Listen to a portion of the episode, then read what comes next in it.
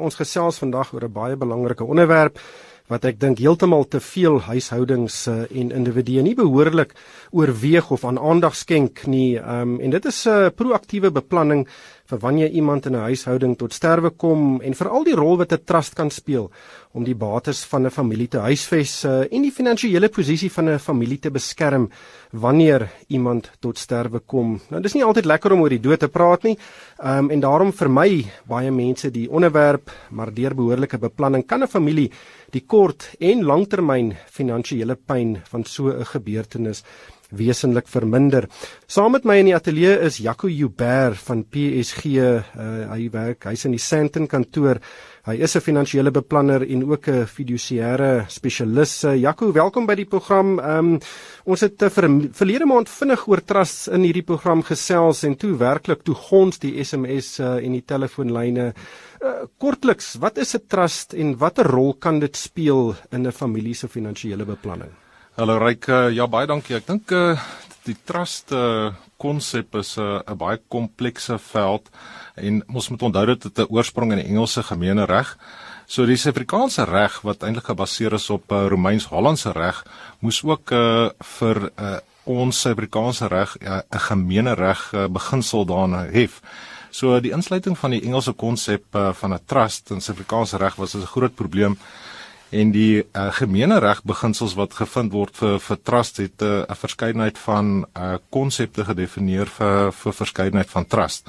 Die voordele daaraan uh, ek dink ons kan 'n bietjie uitwy daarop uh, miskien 'n opvolgvraag. Jong, ek is nou nie uh weet so vertroud met die reg nie, maar sê nou vir my as ek gaan nou voor jou sit as 'n potensiële kliënt, wat gaan jy nou vir my sê? Wat is 'n trust en hoe gaan dit my help? Goed, eerstens uh, moet mense onthou dat trust kan vir verskeie doelwitte opgerig word en uh, die eerste beginsel is eintlik ehm um, wanneer dit opgerig word. Mens kan dit in die lewe oprig of dit kan na die afsterwe van 'n persoon opgerig word. So in die lewe praat ons gewoonlik van 'n inter vivos trust en dit is eintlik 'n algemene regsbeginsel wat ons van praat die stipulatio alterie wat beteken dat 'n oprigter of individu nou vir vir uh trustees ehm um, bates oorgee uh ten begunste van begunstigdes om dit te te bestuur. Nou dis inlewend, dit is 'n kontrak. Die ander ander tipe uh trust wat ons kry is een wat uh eintlik uit 'n testament uitvolg en daarom sal die wet op testamente of soos ons eintlik maar verwys die Wills Act daai definieer en sê wanneer 'n persoon te sterwe kom word daar 'n trust geskep en gewoonlik vir minderjariges om daai bates te beskerm. Dis die basiese konsep van die twee verskille wanneer dit opgerig word. Maar een van die mees algemene is 'n gewone familietrust. Uh, daar's 'n familie, daar's 'n bietjie bates in, sê net maar 'n vakansiehuis of 'n plaas of 'n woonhuis uh, en en die en dit is in die naam van een individu en uh, die idee is dan om dit te skuif na hierdie onafhanklike entiteit toe. Ehm um, en baie mense dink dit is net om boedelbelasting te vermy Ehm um, want uh, dit kan 'n baie met 'n groot kontant nood skep wanneer daai persoon tot sterwe sou kom en hierdie bates is nog steeds in sy naam. Ja natuurlik. So maar daai tipe trust wat ons nou na verwys is uh die latynse term daarvan interviews terwyl jy lewe en dis 'n diskresionêre trust. Met ander woorde dis die diskresie van die trustees om inkomste en kapitaal toe te ken aan die begunstigdes. So ons het drie partye. Ons het 'n oprigter, iemand wat sê ek wil nou 'n trust vorm en dan skei ons nou uh die bates wat uh oorgaan van die oprigter af na die trustees toe. Die trustees besit dit nie. Hulle bestuur dit ten gunste van die begunstigdes. Die begunstigdes besit dit ook nie. Dis eintlik 'n interessante konsep, maar wat dan gebeur is, ons het nou 'n 'n 'n onderskeid tussen die eienaarskap en die genot gebruik van bates. Wat hierdie meebring is dat uh 'n trust of 'n interviews trust of 'n familietrust waarna ons baie verwys, het uh, 'n uh, klomp voordele. So die eerste ding is dat uh, dit is om boedels uh, se bates te vries. En wat dit beteken is dat uh, ek skenk nou uh, of 'n uh, bate, dit kan 'n uh, eiendom wees of 'n plaas of dan geld oor na die trust. Ek verkoop dit eintlik aan die trust. Dit is nou uh, ek het nou in die trust dit uit uh, die oprigter eintlik 'n lening. Ehm um, en weet daar's die die meer onlangse uh konsepte wat uh wat wat nou vir ons 'n probleem veroorsaak met belasting ehm um, meer ehm uh, weet 'n groter punt. Kom ons gebruik 'n voorbeeld en 'n regtig eenvoudige voorbeeld. Ehm um, sê nou maar ons het vir Piet en hy het een bate en dit is 'n vakansiehuis uh, in Nysna en hy besluit hy het 'n familie en hy wil besluit nou nee, hy wil hierdie nou in 'n trust sit want hy dink hy gaan nou baie baie boedelbelasting betaal of ander nadele uh, in die gesig staar sou hy nou tot sterwe kom. Wat is daai proses? Wel kyk jy met 'n trust oprig, so jy gaan ehm um, jy gaan jy gaan jy gaan as oprigter gaan jy trustees moet uh, kry. Waar rig jy hom op? Gaan jy nou na 'n finansiële beplanner toe of hoe doen jy dit? Gewoonlik 'n fiduciaris spesialis, 'n prokureur, iemand wat met trust werk. Ehm um, daar's natuurlik 'n aansoek wat gedoen word by die uh, meester van die Hoë Hof en ons uh, daar's 'n hele proses. So jy gaan 'n akte moet hê en hy gaan etlike dokumentasie moet voltooi en dan ehm um, word uiteengesit wie is die oprigter, wie is die trustees, wie is die begunstigdes, inkomste en kapitaalbegunstigdes en dan kry toestemming by die meester om voort te gaan met sake. Dat daai trust moet ook uh, geregistreer word vir belasting uh, en ook 'n bankrekening en daar's 'n etlike klomp pligte wat die trustees moet nagaan en tot en met daai punt ehm uh, moet jy eers uh, aanhou voordat jy enige bates kan oordra. So dit is dis die begin van so 'n proses. So jy gaan na 'n fiduciêre spesialis toe, jy uh, vul 'n uh, hele hoop vorms in, daar's 'n paar dinge wat moet Correct. gebeur en nou het jy 'n trust. Hoe kry jy nou daai huis uh, in die trust? Wel, dit is 'n verkooptransaksie, so jy gaan die bate oordra as dit 'n as dit eiendom is, verkoop jy hom nou aan die trust. Ehm um, hy kan of gekoop word, maar kyk as jy hom skenk uh, in die begin dan dan die trust mos nou nie geld aanvanklik nie. So hy jy gaan 'n leningsrekening, so jy skenk hom eintlik aan die trust. Ehm um, hy word geregistreer in die trust se naam en dan in die trust is daar nou 'n leningsrekening in die naam van die van die oprigter. Gaan jy oordragbelasting moet betaal op daai transaksie? Ja, kyk jy het 'n jy het 'n jy het enige enige transaksie wat 'n verkoop is, gaan uh, of of onderhewig is aan 'n skenkingsbelasting of oordragte oordrag uh, heffings wat jy moet betaal. Hmm. Kapitaalwinsbelasting op daai stadium? Kyk as jy dit uit jou eie naam uit 'n uh, uh, verkoop, uh, is dit jou eie eiendom was, sou jy uh, kapitaalwins uh, kwytskelding gehad het, maar as dit 'n uh, vakansiehuis is soos jy gesê het, dan uh, gaan daar nie kwytskelding wees nie. OK, die die vakansiehuis is nou oorgedra aan die trust. Nou moet daar trustees aangestel word om hierdie bate nou te bestuur. Hoe werk dit?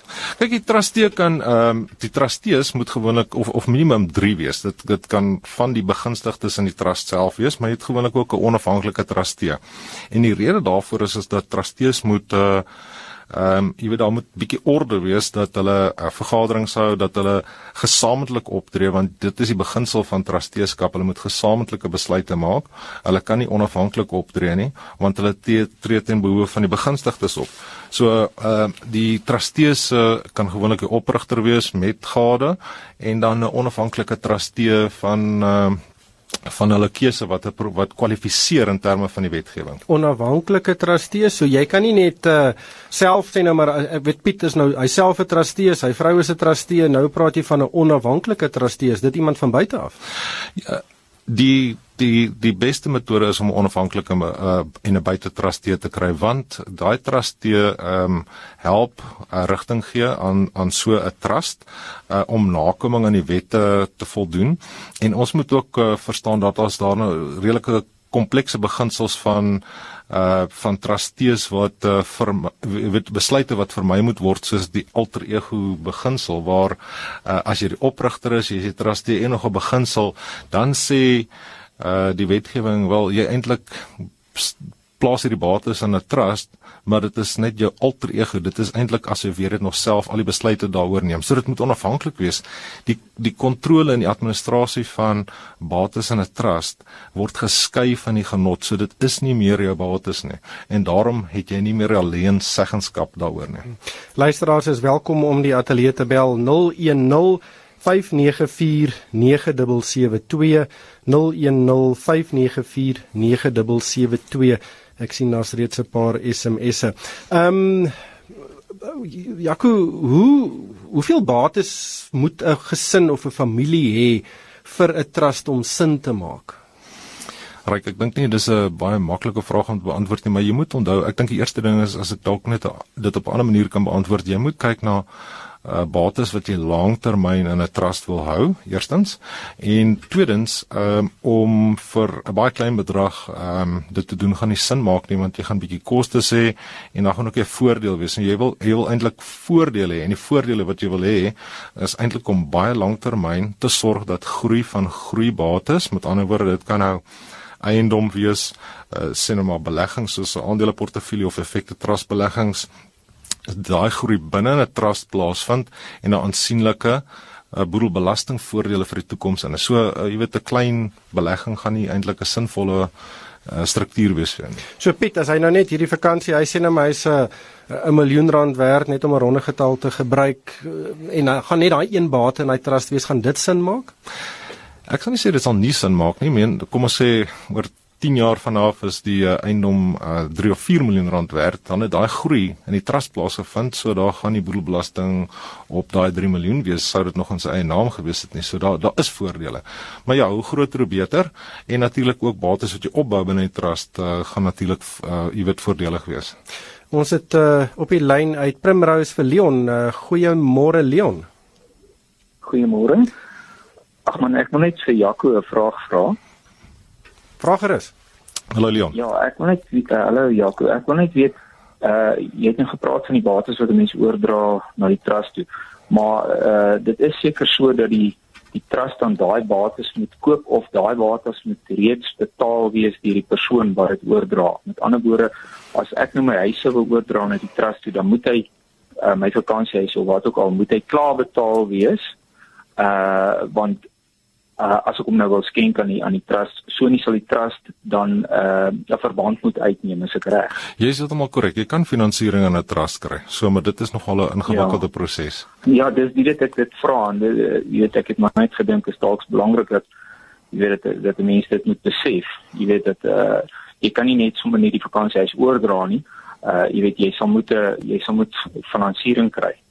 Heeltemal korrek. Uh, Ja, nee, nee, ek ek wou net seker gemaak het omtrent daai punt. Hmm. Baie dankie man. Ja, kon net om daarbey aan te sluit. Ehm um, is 'n is 'n trust 'n besigheid. Ehm um, moet jy as 'n besigheid bedryf word, kan hy byvoorbeeld eh uh, weet finansiering kry wat gekoppel is aan die bates wat in daai trust is. Jy weet om terug te kom na ons uh, regstelsel, die die trust was eintlik 'n uh, interessante konsep geweest totdat nou ehm um, die weet dit uh, ontstaan het dat dat daar ges, daar gesê is dat dit die latynse beginsel is van dit is 'n sui generis regsinstelling en dit is eintlik iets wat enigsins in sy soort is. So ons het uh, konsepte wat sê in die inkomstebelastingwet dat uh, 'n uh, trust is eintlik 'n persoon, maar as aparte belastingteller tabelle vir 'n vir 'n trust. Ehm um, en vir vir 'n verskeidenheid van verskillende wetgewings ehm um, is daar verskillende maniere hoe 'n trust beskou word, maar ja, dit is 'n aparte regsinstelling. Die uh, die idee van 'n trust is uh, ook om bates op vir die langtermyn te hou. Ehm um, dit gaan nie 'n sin maak as jy nou 'n bates soos die vakansiehuis nou oordra aan die trust en hom 3 jaar later wil verkoop nie. Uh uit die aard van die saak, ja. Kyk, ek wil vinnig net bietjie praat hier oor die voordele van 'n trust en in spesifiek meer oor die diskresionêre trust of die familietrust beginsel waar ons nou praat en nie die wat ons spesifiek vroeër genoem het oor 'n testamentêre trust vir minderjariges uh, uit 'n boedel nie. Maar so 'n tipe trust, die diskresionêre trust, is juis daar om langtermyn boedelbelastingvoordele mee te bring. Die tweede ding is is dat dit dit is 'n is 'n baie goeie batebeskerming vir individue want ehm uh, eienaarskap en die genot daarvan word geskei. Met ander woorde indien die uh, oprigter ehm um, oor 'n periode van tyd uh, bates geskenk het en eendag in die moeilike posisie beland om insolvent verklaar te word, dan word daai bates beskerm. Ehm um, en ook die feit dat 'n uh, indien daar begunstigdes is of individue wat nou uh begunstigdes van die trust is en hulle nie self uh die vermoë het om om uh, bates en beleggings te maak nie, is die trustees daar om namens hulle beleggings te maak. So dis dis 'n dis 'n batebeskermings uh, voordeel. Die die volgende ding is eintlik 'n effektiewe opvolging ehm um, beginsel in in in trust wat beteken by die afsig, afsterwe van 'n oprigter uh, is daar nie ehm um, jy weet die bestorbe boedel wat bereder moet word nie en die bates se genot en gebruik kan onmiddellik voortgaan maar dit ander woorde dit word geensins beïnvloed nie behalwe van in, in situasies soos reeds genoem. Ehm um, dan is daar ook 'n uh, eh, die beginsel om eerder 'n trust te gebruik eerder uh, as as die ou beginsel van 'n usufruct of 'n vruggebruik. Want 'n uh, 'n vruggebruik is waar mense sê ehm um, die 'n boer bemaak eintlik sy plaas aan sy seun maar terwyl sy vrou lewe uh, kry sy die vruggebruik daarvan. Nou 'n trust beginsel is dat de jy weet die, die diskresionêre bemaking van die van die bate beteken enige begunstigde kan die voordeel daarvan trek maar in die geval van 'n 'n vruggebruik of 'n user vrug by die afstowere van daai begunstigde is daar nou weer 'n boedel waar daai bate weer ingesluit word en weer 'n keer boedelbelasting.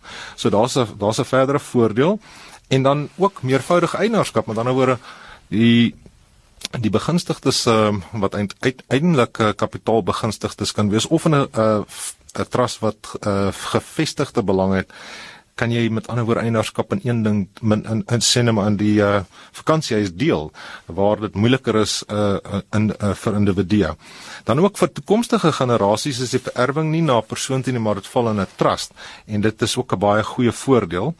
Ehm um, en ek dink die ander voordeel wat ons vroeër oor gesels het is dat die ontvangs van enkel bedrae uit byvoorbeeld pensioenfonde, voorsorg en aftrekkingsheidsfondse is baie voordelig in 'n trust want dit verhoed dat verkwisting kan plaasvind en dat ook dat eh uh, die bestuur en die belegging daarvan 'n uh, behoorlik uh, jy weet gedoen kan word. Dis jy sê SMS wat vra kan ek my pensioen bemaak in 'n trust en dan deur die trust my naasbestaandes bevoordeel? Heeltemal so. Ehm um, ek dink die meer algemene gebruik van bemaking van 'n van 'n pensioen na 'n trust toe is gewoonlik na 'n testamentêre trust toe wat uit 'n uit 'n testament uit ontstaan en is gewoonlik vir minderjariges. Ehm um, die voordeel daarvan is is dat ehm um, hulle hulle hulle hulle voordele kan behoorlik bestuur word deur 'n trustee. Uh, en en onafhanklike trustee en beskerm word op daai manier. Wat is die instandhoudingskoste van 'n trust? Hoeveel moet 'n familie nou betaal om nou hierdie administrasie te finansier uh van 'n trust? Uh weer 'n keer ek dink uh, fiduciêre uh spesialiste gaan vir mense uh, jy weet 'n uh, uh, aanduiding gee natuurlik uh, hoe groter die trust, hoe groter die koste. Uh, Daar's gewoonlik 'n persentasie wat ge, uh, toegepas kan word op die bates of 'n vaste bedrag. Dit is maar iets wat uh, onderhandel kan word, maar ek dink nie mense kyk uh, na 'n uh, jy weet 'n uh, uh, uh, jy weet 'n fooi van minder as 15 of 18000 rand per jaar nie. Mense moet ook onthou dat uh, die onafhanklike trustee het het 'n eh, het 'n baie groot uh, rol om te speel. Het, het nou aanspreeklikheid vir daai bates so aanvaar uh, jy weet 'n uh, enorme verantwoordelikheid of vir die uitoefening van pligte wat in ons wetgewing daar is. Plus daar moet ehm, 'n um, verdeling van inkomste gedoen word so rekenmeester uh, moet gebruik word uh, partykeer is dit nie verpligtend nie partykeer is dit verpligtend om finansiële state geauditeer te hê en en daai belastingopgawes per se is ook deesdae baie baie groot en dit is nie 'n maklike proses nie. So ja, die koste is 'n is is 'n faktor, maar weer 'n keer die die voordele langtermyn in groter trust, uh, die voordele behoort te groter te wees as koste. Maar weet 18 20000 rand per jaar kan vir dit verklaar hoekom jy heelwat bates daar moet insit. Ehm um, heeltemal so. Hmm. Ehm um, nog 'n 'n vraag hier op SMS is kan jy 'n besigheid uit 'n trust uit bestuur? Heeltemal so, dit word 'n besigheid trust uh, jy weet uh, natuurlik genoem. So in plaas van direkteure het jy nou trustees wat so 'n besigheid bestuur. Daar's natuurlik 'n verskeidenheid van vorms wat dit kan aanneem. Uh, ek dink net die groot beginsel is is dat uh, as jy met ander besighede onderhandel en jy's 'n trust gaan jy bietjie moeiliker besigheid doen. So wat gewoonlik gebeur is jy het 'n trust wat opgerig word en die trust gewoonlik aandele in 'n ander maatskappy en daai maatskappy uh doen weer besigheid en ek dink die opinies oor hierdie uh oor om besigheid te doen uit 'n trust het, het, het verskillende daar's verskillende opinies daaroor maar dit het, het ook verskillende metodes die basiese beginsel is die trustees gaan eintlik die rol vervul wat direkteure vervul. Hmm. Ehm um, hoeveel families wat uh, trusts moet oorweeg doen dit nie? Ek het nie regtig daai statistieke nie, maar ek sal vir jou so sê dat uh, ek dink uh, jy weet oor oor 'n lang periode van tyd is daar baie voordele. Ehm um, veral aan die boedelbelastingkant en natuurlik die beskerming van bates. Uh en as, as mens is mens sekere faktore oorweeg wat aansienlike voordele vir uh, families aanhou, dan ja, dan is daar te min mense wat van dit gebruik maak. En miskien ook uh, by minderjariges, uh jy weet die beskerming van daai bates want indien jy dit nie het nie, indien jy nie 'n testament het nie en jy nie uh 'n testamentêre trust uh jy weet uh, opgerig het uh, in jou test, in jou testament en voorsiening daarvoor gemaak het nie dan gaan daai voordele en bates wat na minderjariges toe veronderstel is om te gaan na die voogdyfonds in Suid-Afrika te gaan wat beteken jy het nie meer beheer daaroor nie. Dit is dan die staat wat daaroor besluit. Hmm. net laastens uh, dit is 'n taamlike ingewikkelde beginsel om te verstaan. Eerste beginpunt gaan sien jou finansiële raadgewer en en en probeer daar 'n plan uitwerk Ja natuurlik, ek dink nie raad is uh is is is 'n algemene ding wat van toepassing op almal die, weer dieselfde is nie. So dit is baie spesifiek. Almal se behoeftes moet verstaan word en jou spesifieke finansiële behoefte moet in ag geneem word. Uh het sy 'n trust van toepassing is of nie. En uh maar maar die die die beginsel van daar dat jy eerder moet ook begin kyk na 'n testament wat uh, die baie basiese beginsels uh, kan hanteer. Dit is baie belangrik. Ongelukkig het die tyd ons ingehaal. Uh, baie dankie Jaco, dankie vir jou deelname vandag. Baie dankie Ryk. Dit was Jaco Joubert van PSG wat so lekker saamgesels het. Net Jaco vinnig uh, hier's 'n hele paar versoeke vir jou kontak besonderhede. Kan jy gou vinnig 'n e-posadres uh, en 'n telefoonnommer gee?